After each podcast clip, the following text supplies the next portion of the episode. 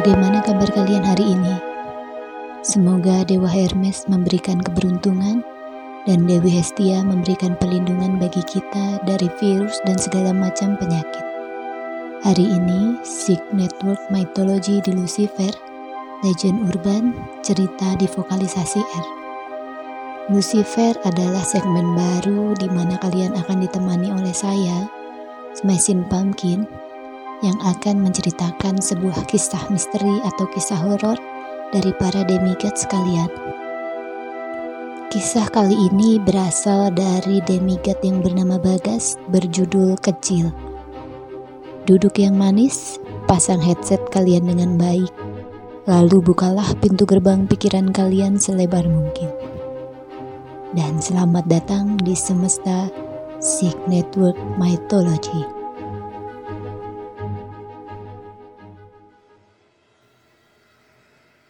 Ini kisah yang kualami saat aku masih duduk di bangku kelas 1 sekolah dasar. Seperti hari-hari biasanya, kelasku berakhir sekitar pukul 10 pagi. Dan ibuku sudah menjemputku dengan sepeda motor kesayangannya saat aku keluar kelas.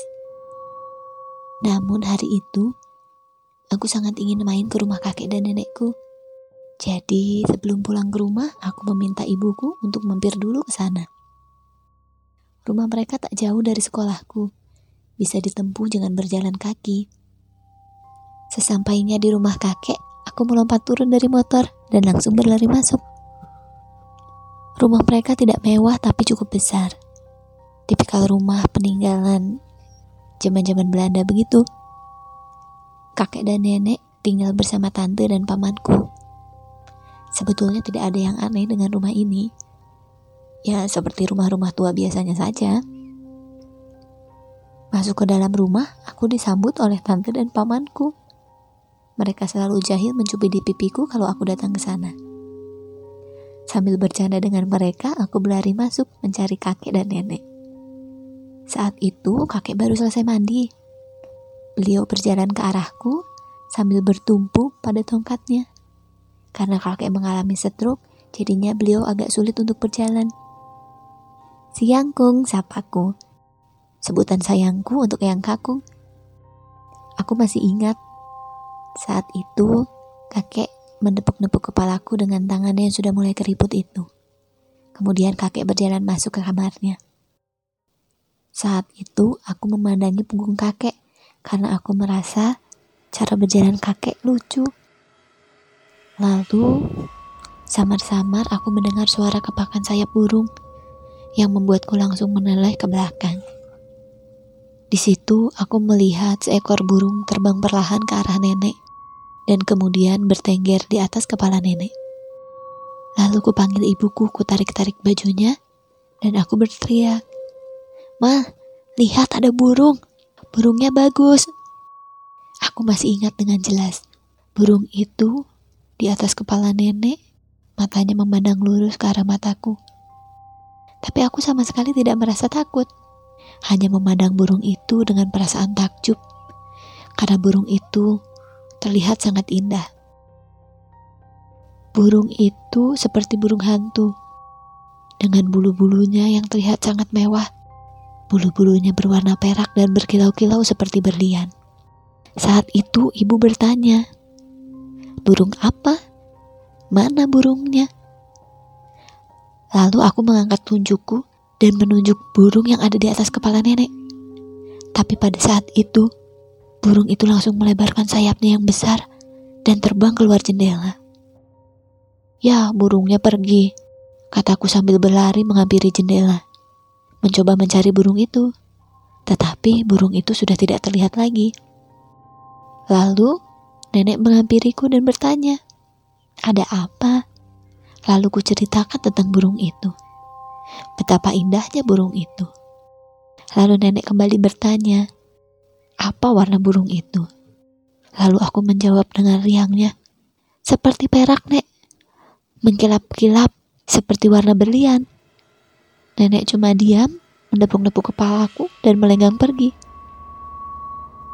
Satu minggu setelah itu, kami mendengar kabar duka kakek mengembuskan nafas terakhirnya.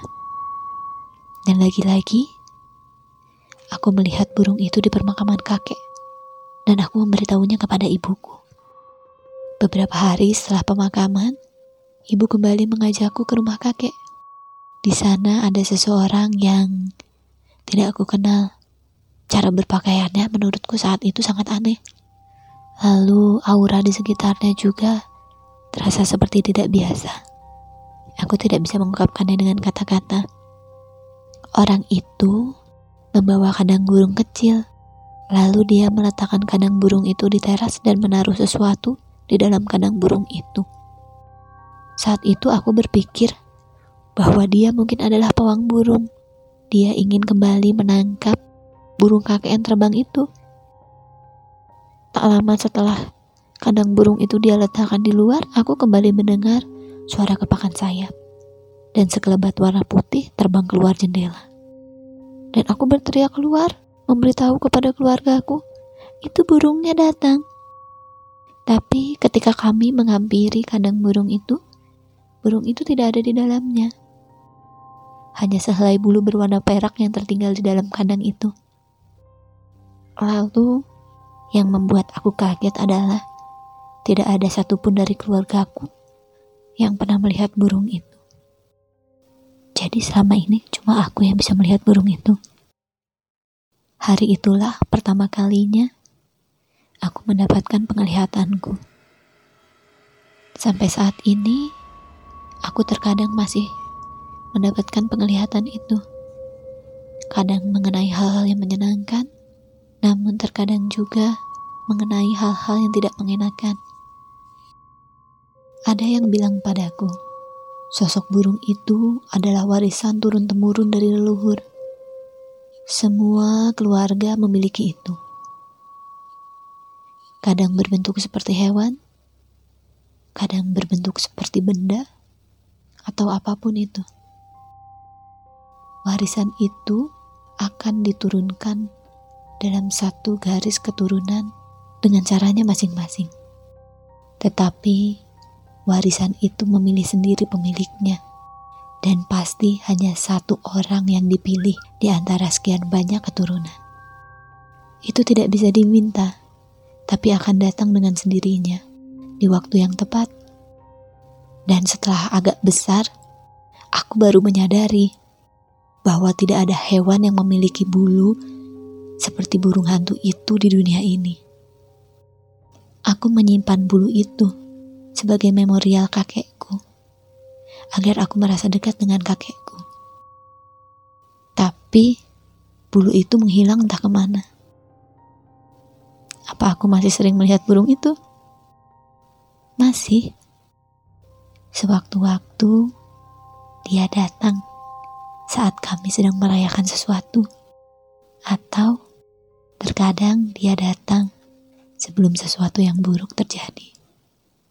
Ah, dia baru saja terbang di atas kepalamu. Terima kasih sudah meluangkan waktu berharga para demigod untuk sejenak mendengarkan kisah ini. Percayalah, pengalaman yang kita alami dan kita rasakan bisa menjadi kisah yang menarik dan janganlah lupakan setiap kisah yang kita alami setiap harinya. Semoga kita diberikan kesehatan, perlindungan, dan keselamatan dari Tuhan Yang Maha Esa. Sampai jumpa di kesempatan berikutnya. Jangan lupa untuk mendengarkan episode podcast Sig Network Mythology setiap hari Jumat di aplikasi Noise, rumah konten audio Indonesia.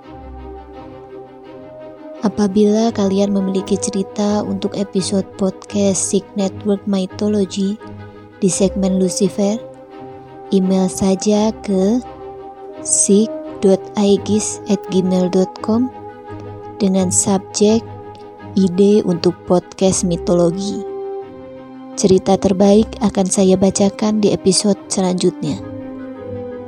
Sampai jumpa di semesta Sig Network Mythology selanjutnya. Saya Smesin Pumpkin, pamit undur diri. Keep learning and stay educated.